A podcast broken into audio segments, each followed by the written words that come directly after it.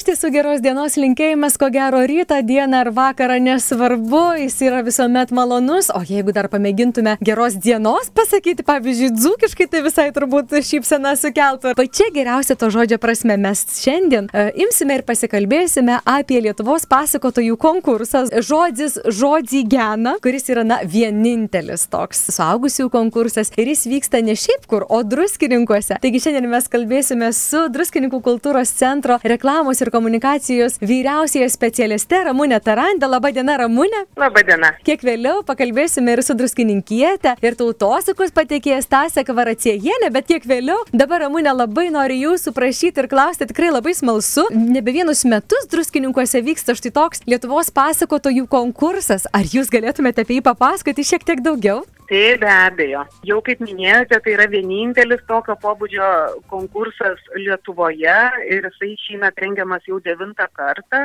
Pradžia konkurso buvo, iš tikrųjų konkurso sumanyta yra Druskininkų kultūros centro etnografija Lina Balčiūnenė. Ir pasakos įvairios pasakų sėkimo vakarai, lopšinių dainavimo vakarai iš pradžių buvo tradicinės e, Dainavos krašto folkloro šventės, kuri vykdavo druskininkose dalis.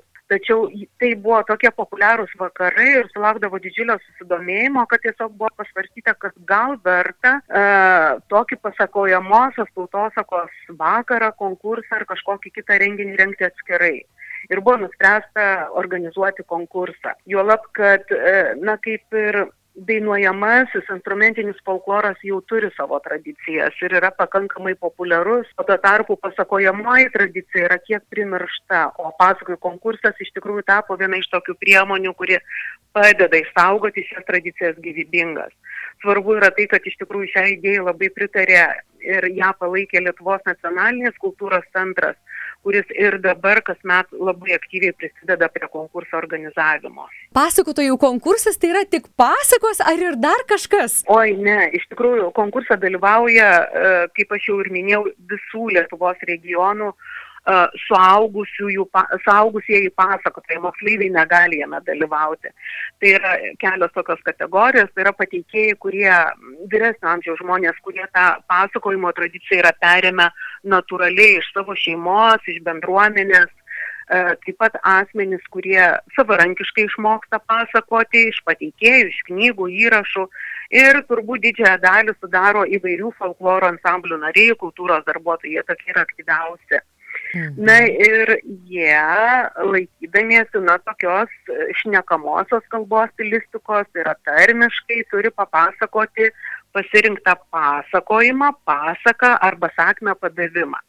Tai va šįmet ir bus tokios trys pagrindinės kategorijos. Tai yra pasakojimo, jis dažniausiai būna humoristinis, linksmas, pasaka, na, pasakos būna įvairios, turbūt žinote, ir kažkokią sakmę ar padavimą. Ir e, kai vertinami šie e, pasakotojai, tai labai ypatingai kreipiamas dėmesys į repertuaro autentiškumą, Tai ta prasme, jeigu tai yra iš senelių, iš mamų, iš močiučių šeimos išgirsti kūriniai, tai yra labai svarbu tie pasakojimai, taip pat jų turinį ir kaip įtaigiai, tikroviškai ir išraiškingai ta istorija yra pateikiama, koks yra pasakota ryšys su publika, kokia jo sceninė kultūra. Na, iš tikrųjų labai įdomių būna visokių pasakotojų, labai smagu jų klausyti, tai iš tikrųjų labai smagus renginys, ne tik savo vertę meninę ir aukštą kultūros vertę, bet ir iš tikrųjų labai smagu pasiklausyti ir pasijuokti ir, ir šnekos yra labai gražios. Na vien jūsų klausant, žinokit, jau šypsena veidą puošia,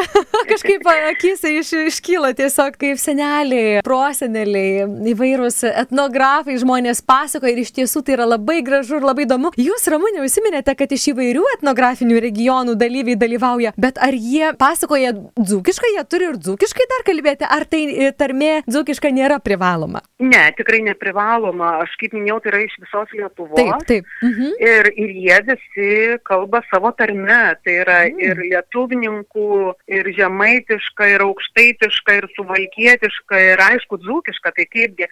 Tiesiog toks, na, pavadinimas šį kartą dzūkiškas yra surinktas konkursui. Čia jau tokios ištakos nelabai aš ir žinau iš tikrųjų pati. Taip. O šiaip, na, du vakarai bus pagrindiniai va, to finalinio etapo kuris vyksta druskininkuose.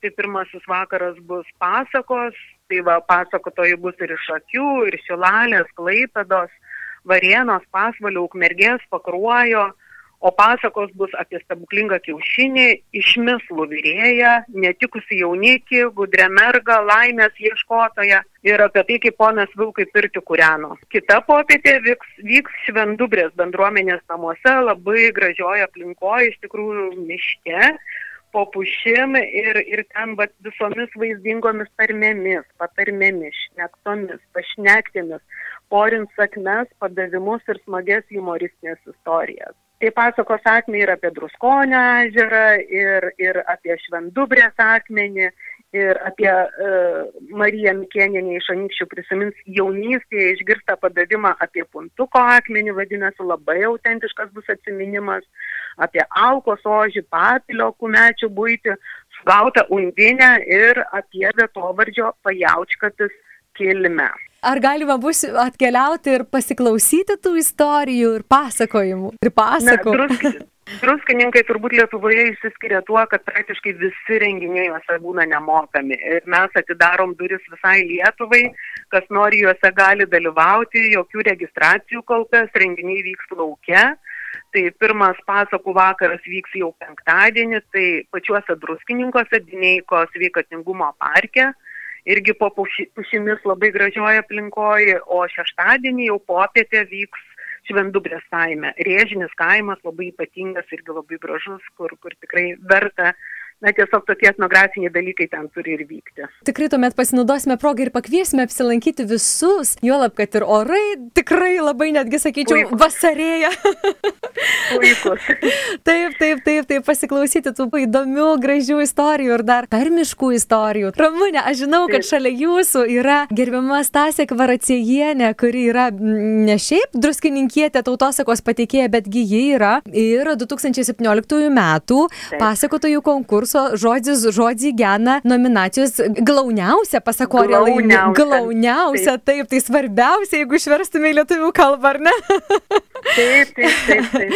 Ar aš galėčiau iš tiesų paprašyti gerbimos Stasės taip pat tarti keletą žodžių? Taip, be abejo, ir aš tik tai pristatysiu, kad ji ruošiasi dzūkiškai papasakoti, kokios yra druskininkų kurorto sveikatingumo procedūrų ir spa ištakos. Tai ne konkursinis kūrinys, tiesiog iš savo jau uh, lobių skrinelės ir tada aš perdodu ragelį Stasiai Kvaracėjienį. Ačiū. Labą dieną. Labą dieną, gerbiama Stasė. Labai malonu jūsų balsą šiandien girdėti ir labai ačiū, kad savo laiką skiriate radio klausytojams. Stasė, aš dar prieš klausant jūsų pasakojimo noriu klausti jūsų pačio štai apie tokį konkursą, apie tokią tarmišką šventę, kuri vyksta druskininkuose. Jūs jau ten esate dalyvavusi. Papasakokite, kokie įspūdžiai. Nu labai geri įspūdžiai. Už tai, kad mes pasižiūrom vieni ant kitų, pasirodom, jau visi pagyveni beveik. Tai labai visiems įdomu. Prisimenam vaikystį, jaunystį, kūdžiedai, prodžiedai mumi porino. Žinot, tai šėsis, kad mes augom gimim, nei elektrų buvo, nei knygų, nei televizorių. Tai va iš porinimo kurkų. Na, iš tikrųjų, aš labai labai prašysiu Jūs papasakoti, nes tikrai įdomu būtų išgirsti apie tą druskininkų kurorto sveikatinimo procedūras ir spa ištakas. Tai labai prašau papasakoti, gerbiamas Tasė. Nu, tai kogi dėliau, papavysiu, atsimenu, kužėdulį sporinu. Visgi seniau žinokit, Nebuvo tiek nei tų daktarų, nei ligoninių, nei sanatorijų, nieko nebuvo dar pokaro metais jau iš pratkų svieto. Nu, bet atsikas garsėjo druskai, žinojom, kad yra šalčinis sūrus, druskos. Tai jei kas parsineša kokį butelaitį, atvažiavęs paž... bulbėm pasisūdžiais ar kokiai šilkiai pasidaryti. Nu, o paskui užgirdo pas mus odžum buvo tokis šakavas bernas. Apsižanino, sako, žinot, reikia važiuoti į druskininkus. Tai yra tokių visokių šumanų, ką vadina, varežbėtnikų, ką mes sakėm seniau. Nu, tai užrodys man kokių rodų, tai didžiusi žmonės kaimą, nereiks toli važiuoti, vargyti atkliai. Nu, ir jis atajo druskinykuose žmogus ir pradėjo vaikščioti ir klausinėti, nu kokių lygų gal jūs turit man patart, kokių rodelių. Gal čia yra kur kokis tokis jau specialistas, daktaras ar kas Oi, sako, gerai, tai vienas tokis žiedas. Žinai, ku, tu, kad gyveni saldžiun, tai tau labai gerai. Tai va dar paklausykit šito recepto, kokį jis davė receptų jam. Gerai. Tas žiedas.